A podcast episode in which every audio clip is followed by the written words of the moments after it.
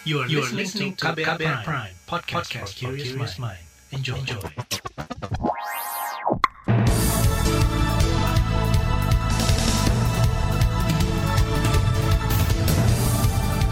Selamat pagi saudara, senang sekali kami bisa menjumpai Anda kembali melalui program Buletin Pagi KBR edisi Kamis 28 Oktober 2021 bersama saya Ardi Rosyadi. Sejumlah informasi pilihan telah kami siapkan di antaranya polisi diminta berbenah diri usai muncul banyak pelanggaran hukum di Korps Bayangkara. Pemerintah turunkan tarif PCR jadi Rp275.000. Dua ABK KM Liberty tenggelam ditemukan, satu dinyatakan meninggal. Inilah Buletin Pagi selengkapnya. Terbaru di Buletin Pagi. Saudara lembaga kepolisian terus mendapat sorotan publik mulai dari kekerasan baik kepada masyarakat maupun dari atasan terhadap bawahannya hingga perbuatan asusila. Juru bicara Komisi Kepolisian Nasional Kompal, Kompolnas Pungki Indarti menilai sorotan yang saat ini tertuju kepada institusi Polri harus dijadikan momentum Korps Bayangkara untuk berbenah anggota Polri ini kan diberi kewenangan oleh Undang-Undang Dasar ya oleh konstitusi untuk melayani, mengayomi, melindungi masyarakat dan menegakkan hukum untuk mewujudkan harkam tipmas. Nah, itu kan membutuhkan orang-orang yang profesional, orang-orang yang presisi lah istilahnya ya kalau Pak Kapolri dengan uh, visi misinya. Nah, jadi mereka harus melakukan tugasnya dengan sebaik-baiknya. Jangan sampai tugas-tugas tadi itu tidak dilakukan dengan baik, jadi nggak profesional, terus kemudian malah mencederai kepercayaan masyarakat. Pungki mengakui reformasi kultural di tubuh kepolisian belum berjalan baik karena polisi sendiri belum mau berubah. Kata dia, pengawasan dan penerapan hukuman terhadap anggota yang melanggar juga harus dipertegas dan diproses hukum pidana, tidak hanya etik atau disiplin saja. Hingga kini sejumlah kasus yang melibatkan polisi di antaranya dugaan pencabulan polisi kepada istri tersangka di Deli Serdang, kekerasan terhadap anak buah oleh Kapolres di Nunukan, ada juga kasus perkosaan anak tersangka oleh bekas Kapolsek Parigi Mutong, polisi yang membanting mahasiswa di Tangerang, hingga penanganan kasus perkosaan di mana polisi malah berpihak ke pelaku di Luwu Timur. Kapolri Listio Sigit Prabowo mengingatkan jajarannya selalu introspeksi diri menghadapi situasi dan harapan masyarakat. Kata dia, tingkat kepercayaan publik terhadap Polri makin menurun. Salah satunya imbas tagar percuma lapor polisi yang trading di Twitter. Karena menjadi penting meningkatkan kepercayaan publik, meningkatkan kepuasan masyarakat terhadap suatu organisasi. Sehingga pada saat kita menuntaskan tugas-tugas maka akan jauh lebih mudah. Jadi ini yang selalu saya ingatkan, saya sampaikan dan tentunya ini bukan aib, tapi adalah suatu tantangan introspeksi kita untuk ke depan kita bisa menjadi jauh lebih baik. Dan tentunya kuncinya adalah pertanyaannya apakah kita mau melaksanakan itu dan apakah kita mau berubah. Listio meminta jajarannya tidak anti kritik dan tidak mudah terpancing emosi dalam berbagai kondisi. Kata dia, berbagai faktor yang mempengaruhi anggota melakukan pelanggaran antara lain gaya hidup hingga budaya organisasi. Kapolri juga berjanji bakal menindak anggota termasuk atasannya yang melanggar, melakukan penyimpangan, dan membawa dampak buruk bagi kepolisian. Sementara itu, komisi yang membidangi hukum DPR RI menilai banyaknya sorotan publik terhadap kasus-kasus kekerasan yang melibatkan kepolisian merupakan hal yang positif. Dengan begitu, kata anggota komisi yang membidangi hukum DPR RI Adang Darajatun, Polri bisa segera melakukan perbaikan. Dalam arti bagaimana Polri melihat dirinya sepanjang polisi tidak melihat pengawasan oleh masyarakat itu dianggap ah itu sebentar juga hilang ah ini ini bahaya. Ini akan terus terjadi. 97 98 saya ketua tim reformasi Polri. Justru kita ingin betul-betul yang tadi saya bilang kultur itu harus menjadi sivil polisi sivil ya yang humanis Adang Darajatun menilai kultur kekerasan di kepolisian mesti disikapi pimpinan Polri. Apalagi kata dia, cita-cita dari reformasi Polri adalah menghilangkan kultur kekerasan.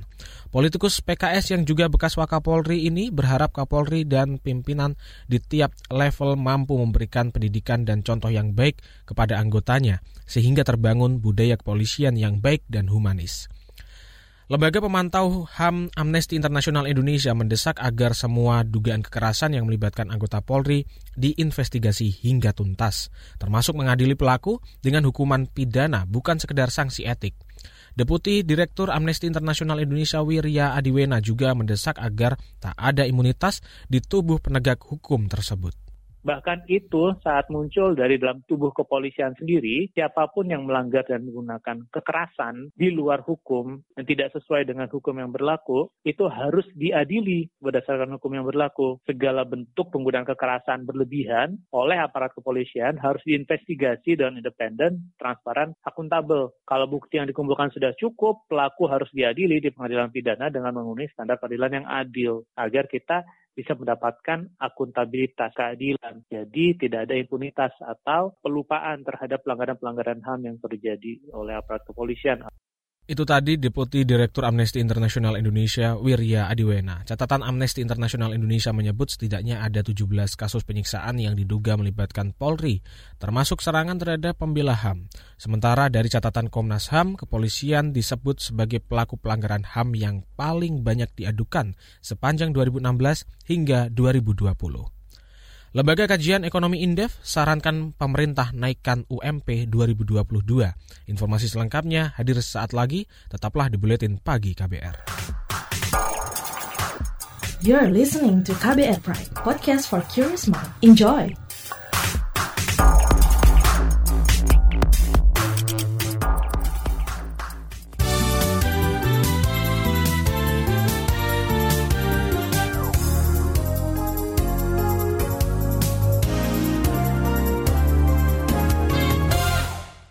Saudara Kementerian Kesehatan resmi menurunkan tarif batas atas tes COVID-19 PCR menjadi Rp275.000 untuk Jawa Bali dari sebelumnya Rp495.000. Dirjen Pelayanan Kesehatan Kemenkes Abdul Kadir mengatakan penurunan tarif itu merupakan hasil evaluasi dan tindak lanjut dari instruksi Presiden Joko Widodo. Evaluasi yang dilakukan melalui perhitungan biaya pengambilan dan pemeriksaan real-time PCR terdiri dari komponen-komponen, yaitu jasa pelayanan atau SDM, komponen regen dan habis pakai, komponen biaya administrasi, dan komponen biaya lainnya yang kita sesuaikan dengan kondisi saat ini. Dari hasil evaluasi, kami sepakati bahwa batas tarif tertinggi pemeriksaan real-time PCR diturunkan menjadi 275.000 untuk daerah Pulau Jawa dan Bali, serta sebesar 300 ribu untuk luar Pulau Jawa dan Bali. Dirjen Pelayanan Kesehatan Kemenkes Abdul Kadir menambahkan hasil tes PCR harus dikeluarkan maksimal 1 kali 24 jam. Usai sampel diambil dan aturan itu dipatuhi semua layanan kesehatan. Ia juga meminta Dinas Kesehatan di daerah mengawasi pemberlakuan tarif baru ini. Wakil Presiden Ma'ruf Amin mengingatkan industri halal memiliki peran strategis meningkatkan perekonomian nasional. Hal itu kata dia terlihat dengan banyaknya negara-negara di dunia yang fokus untuk mengembangkan industri halal meski populasi muslim mereka relatif sedikit. Menurutnya, Indonesia harus bersaing merebut pangsa pasar global industri halal. Pemerintah Indonesia sedang melakukan upaya dalam peningkatan peran industri halal agar dapat memberikan kontribusi yang lebih besar untuk pertumbuhan ekonomi nasional. Inisiatif perbaikan peraturan dan kebijakan yang dapat mempercepat pengembangannya merupakan bentuk dari komitmen pemerintah. Wakil Presiden Maruf Amin menyebut terbitnya Master Plan Ekonomi Syariah Indonesia atau MEXI 2019-2024 menjadi arah strategis pengembangan keuangan syariah di Indonesia dan penguatan kelembagaan ekonomi dan keuangan syariah. Kementerian Perindustrian lanjut Ma'ruf juga telah mengeluarkan aturan memperoleh surat keterangan membentuk kawasan industri halal di Indonesia. Sementara itu, informasi lainnya, Lembaga Kajian Ekonomi Indef menyarankan pemerintah untuk menaikkan upah minimum provinsi atau UMP 2022. Menurut Direktur In Eksekutif Indef Tauhid Ahmad, kondisi pandemi COVID-19 membuat formula kenaikan UMP harus dilakukan berdasarkan patokan kisaran inflasi. Memang harus diturunkan begitu, tapi nggak boleh juga rendah begitu ya. Minimum sampai uh, inflasi sama Uh, katakanlah inflasi terbayar plus produktivitas dari masing-masing sektor gitu. Hmm. Industrinya kan beragam begitu. Kalau industri lagi terpuruk ya nggak bisa ada kenaikan begitu. Paling tidak inflasinya dimasukkan. Inflasi kita kalau paling tinggi tiga persen sampai tiga setengah ya itu minimum. Nanti ada tengah-tengahnya berapa ya?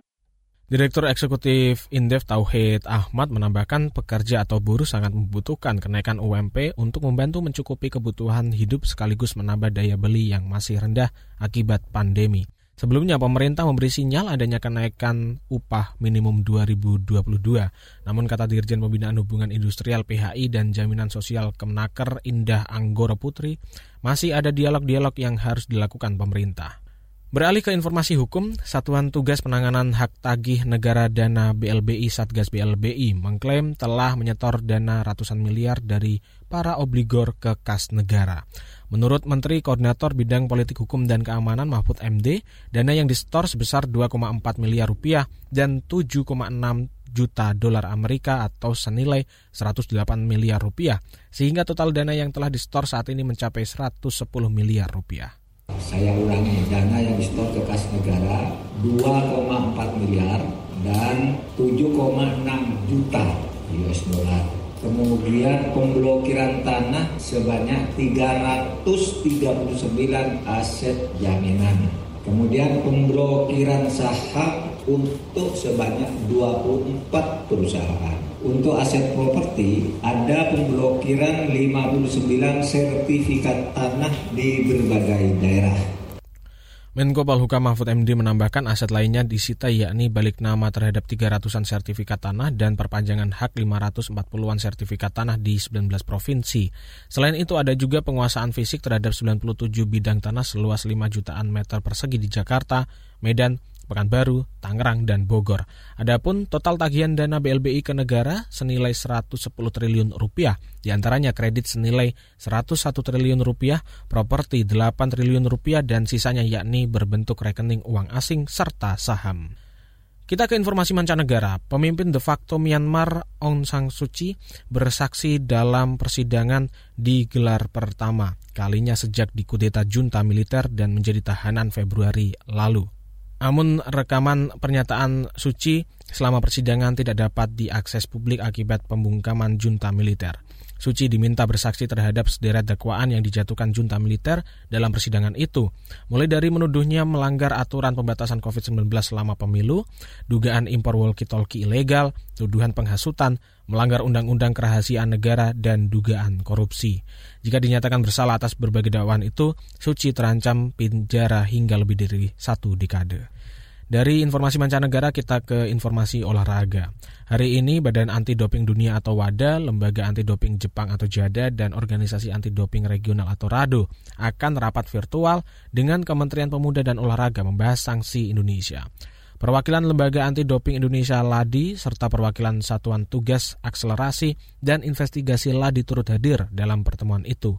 Ketua Satgas Akselerasi dan Investigasi Ladi Raja Sabta Oktohari mengatakan rapat virtual itu akan membahas masalah pengujian anti doping yang tertunda untuk diperbaiki dan ditindaklanjuti.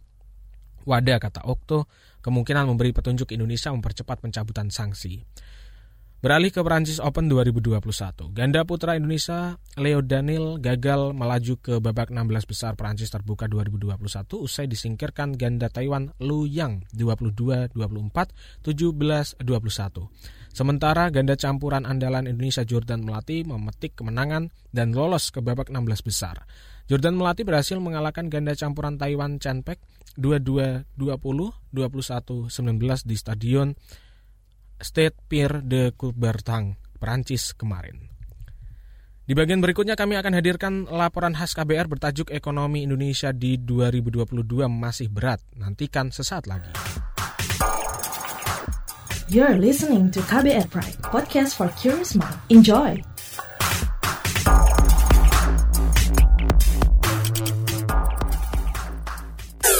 Commercial break. Sudah tahu yang satu ini. Sekarang kabar baru ada di playlist teman perjalananmu. Kamu masih bisa update dengar berita terbaru sambil dengerin lagu kesukaanmu.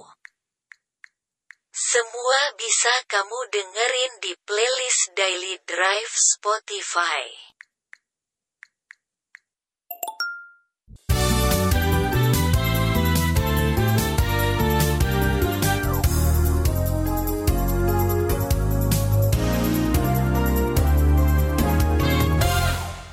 Terima kasih Anda masih bersama kami di Buletin Pagi KBR dan informasi selanjutnya kami sampaikan pemerintah menargetkan perekonomian Indonesia tahun depan bisa mulai pulih pasca diguncang pandemi COVID-19. Namun, sejumlah faktor dianggap masih menjadi batu sandungan pemulihan ekonomi nasional di tahun depan. Ekonomi tahun depan diperkirakan masih berat. Berikut laporan khas KBR dibacakan Malika. Berbagai upaya dilakukan pemerintah untuk memulihkan kembali perekonomian nasional yang nyaris kolaps akibat pandemi COVID-19. Langkah utama tentu mengendalikan pandemi hingga saat ini mencapai grafik terendah sejak Mei tahun lalu. Selain itu, berbagai kebijakan fiskal dan moneter juga diambil, termasuk mereformasi aturan perpajakan. Bank Indonesia sebagai bank sentral juga terus menahan suku bunga acuan 3,5 persen selama 8 bulan berturut-turut untuk memperbaiki daya beli masyarakat yang terpukul akibat pandemi. Presiden Joko Widodo menargetkan pada tahun depan pertumbuhan ekonomi Indonesia tumbuh di kisaran 5 hingga 5,5 persen. Angka yang dianggap optimistis, sekaligus pesimistis oleh sejumlah pihak. Pertumbuhan ekonomi tahun 2022 diperkirakan pada kisaran 5,0 persen sampai 5,5 persen. Kita akan berusaha maksimal mencapai target pertumbuhan di batas atas yaitu 5,5 persen. Namun harus tetap waspada karena perkembangan COVID-19 masih sangat dinamis. Kita akan menggunakan seluruh sumber daya, analisis ilmiah, namun sejumlah faktor bisa menjadi batu sandungan capaian target pertumbuhan ekonomi itu, apalagi kondisi pandemi masih menyebabkan ketidakpastian pertumbuhan ekonomi global. Di sisi lain, geliat ekonomi yang makin meningkat baik nasional maupun global memicu kekhawatiran inflasi yang tidak stabil. Deputi Gubernur Senior Bank Indonesia Destri Damayanti mengatakan momentum peningkatan konsumsi rumah tangga sejak pertengahan tahun ini harus dijaga, jangan sampai menyebabkan harga-harga tidak terkendali. Ini demand yang kembali meningkat, pen up demandnya tinggi, tapi kalau tidak diimbangi dengan distribusi barang yang uh, apa yang yang smooth, tentunya ini akan menyebabkan terjadinya tekanan harga juga. Di mana dalam hal ini adalah kalau kita bicara kalau di bank sentral yang kita concern adalah inflasi. Dan kalau udah inflasi, nanti naiknya ke nilai tukar gitu. Nah ini yang tentu menjadi perhatian dan perlu kita waspadai. Aktivitas ekonomi global memang mulai meningkat. Ini terlihat dari indeks kinerja manufaktur global maupun Indonesia. Pertumbuhan manufaktur Indonesia bahkan termasuk tertinggi di Asia Tenggara. Namun ini menimbulkan kekhawatiran baru, terutama terkait kenaikan harga-harga pangan dunia. Badan Pangan Dunia FAO memperingatkan harga pangan dunia sudah naik dua bulan berturut-turut hingga September lalu karena tingginya permintaan. Ini juga menjadi kekhawatiran Menteri Keuangan Sri Mulyani terhadap kestabilan inflasi di Indonesia. Dan indeks harga pangan yang harus kita waspadai karena kita khawatir nanti akan bisa uh, menjadi pemicu inflasi. Jadi indeks harga pangan ini merupakan hal yang perlu untuk kita waspadai. Ketika harga-harga barang naik tidak terkendali atau hiperinflasi, akan berdampak pada turunnya nilai uang dan daya beli masyarakat. Karena itu, pengamat ekonomi Indef Tauhid Ahmad mengkritik rencana pemerintah menaikkan pajak pertambahan nilai atau PPN dari 10 persen menjadi 11 persen pada tahun depan agar daya beli masyarakat tidak makin terganggu kalau dalam situasi pemulihan terjadi peningkatan beban masyarakat harusnya jangan dulu diberlakukan termasuk misalnya PPN itu dalam situasi pemulihan dan sebagainya ini sangat butuh uh, justru uh, insentif fiskal malah ini dibebani dengan kenaikan pajak gitu ya. Pasti semua akan terdampak bukan hanya uh, pengusaha yang katakanlah tidak terjadi kenaikan tapi secara ekonomi semua akan terdampak apabila pajak di satu uh, sisi uh, itu memiliki multiplier juga ke sisi yang lain. Pengamat ekonomi dari Indef Tauhid Ahmad juga menyarankan agar program-program pemulihan ekonomi terus dilanjutkan hingga dua tahun mendatang dengan fokus pada program yang dibutuhkan masyarakat. Demikian laporan khas KBR. Laporan ini disusun Agus Lukman. Saya Malika. Informasi dari berbagai daerah akan hadir usai jeda. Tetaplah bersama Buletin Pagi KBR.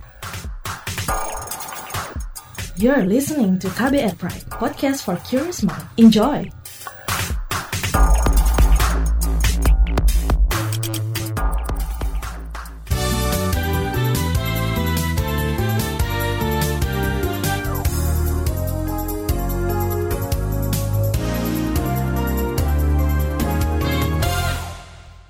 Inilah bagian akhir buletin pagi KBR dan informasi yang pertama kami sampaikan dari perairan utara Bali. Dua anak buah kapal ABK KM Liberty 1 yang tenggelam di perairan utara Bali ditemukan kemarin. Dari dua ABK yang ditemukan dan dievakuasi oleh kapal SPOB Seroja 01, dari dua ABK itu satu di antaranya tewas, sementara lainnya selamat. Kepala Basarnas Bali Gede Darmada membenarkan penemuan dua orang ABK KM Liberty 1 tersebut. Hari ini, kata dia, Basarnas akan melaksanakan pencarian di lokasi ditemukannya korban dengan mengerahkan KN SAR Arjuna 229. Saat ini tujuh ABK masih dilaporkan hilang di peristiwa tenggelamnya kapal Liberty 1. Dari Bali kita menuju ke Papua, Bupati Yalimo Papua periode 2016-2020 Lakius Peyon ditetapkan sebagai tersangka dugaan korupsi penyalahgunaan dana bantuan sosial 2020. Direktur Reserse dan Kriminal Khusus Polda Papua, Riko Taruna Mauruh mengatakan Lakius kini ditahan usai ditangkap Senin lalu. Berdasarkan laporan hasil audit perhitungan kerugian negara oleh auditor BPKP perwakilan Provinsi Papua penyalahgunaan dana bansos tahun 2020 Kabupaten Yalimo yang mengakibatkan kerugian keuangan negara senilai 1 miliar rupiah. Tersangka LP Direktur Reserse dan Kriminal Khusus Polda Papua, Riko Taruna Manuruh, menambahkan Lakius diduga melanggar Undang-Undang Pemberantasan Tindak Pidana Korupsi dengan ancaman hukuman di atas lima tahun penjara. Sebelumnya, Polda Papua memperoleh informasi terkait pembayaran tuntutan kepada perwakilan masyarakat sebesar 1 miliar rupiah oleh pemerintah Kabupaten Yalimo. Namun, pembayaran itu tidak sesuai kriteria pemberian dana bansos dalam Permendagri dengan pedoman bantuan sosial dari anggaran APBD Kabupaten itu. Dari Papua kita menuju ke Bandung, Jawa Barat. Rumah Sakit Hasan Sadikin RSHS di Bandung, Jawa Barat bersiap menghadapi lonjakan kasus COVID-19 gelombang ketiga yang diperkirakan terjadi akhir tahun. Persiapan itu diungkapkan Direktur Pelayanan Medik Keperawatan dan Penunjang RSHS Iana Ahmad. Kita mendengar ya mengamati, mencermati ramalan ataupun dugaan tadi ya dari para epidemiologi di antaranya bahwa lonjakan Desember itu bisa-bisa saja terjadi. Karena biasanya kan kalau protokol kesehatan tadi ada kerumunan atau mobilisasi yang lebih ini di bulan-bulan akhir tahun itu biasa. Kan pengalaman tahun lalu pun demikian ya. Salah satu terjadi lonjakan yang kedua itu adalah pada uh, akhir tahun. Jadi itu sangat mungkin. Direktur Pelayanan Medik RSAS Yana Ahmad mengatakan seluruh tenaga kesehatan ruangan dan ranjang penanganan pasien COVID-19 akan digunakan kembali jika terjadi indikasi lonjakan kasus. Selain itu, seluruh sumber daya manusia SDM yang direlokasi juga siap kembali bertugas apabila lonjakan benar-benar terjadi. Dari Bandung kita menuju ke Semarang, Jawa Tengah. Polrestabes Semarang menutup tempat hiburan Holy Wings di kawasan Kota Lama Semarang karena melanggar jam operasional selama pelaksanaan pemberlakuan pembatasan kegiatan masyarakat PPKM. Tim Polrestabes Semarang dipimpin langsung oleh Kasat Reskrim Doni Lumban Tauran mendatangi Holy Wings Jalan Cendrawasih Semarang pada Selasa dini hari.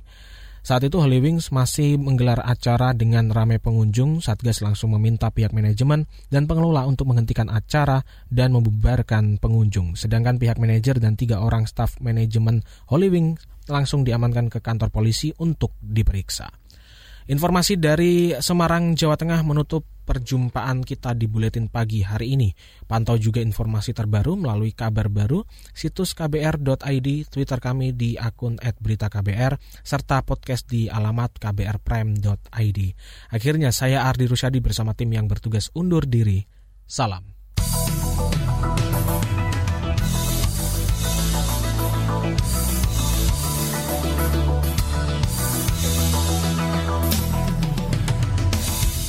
KBR Prime, cara asik mendengar berita. KBR Prime, podcast for curious mind.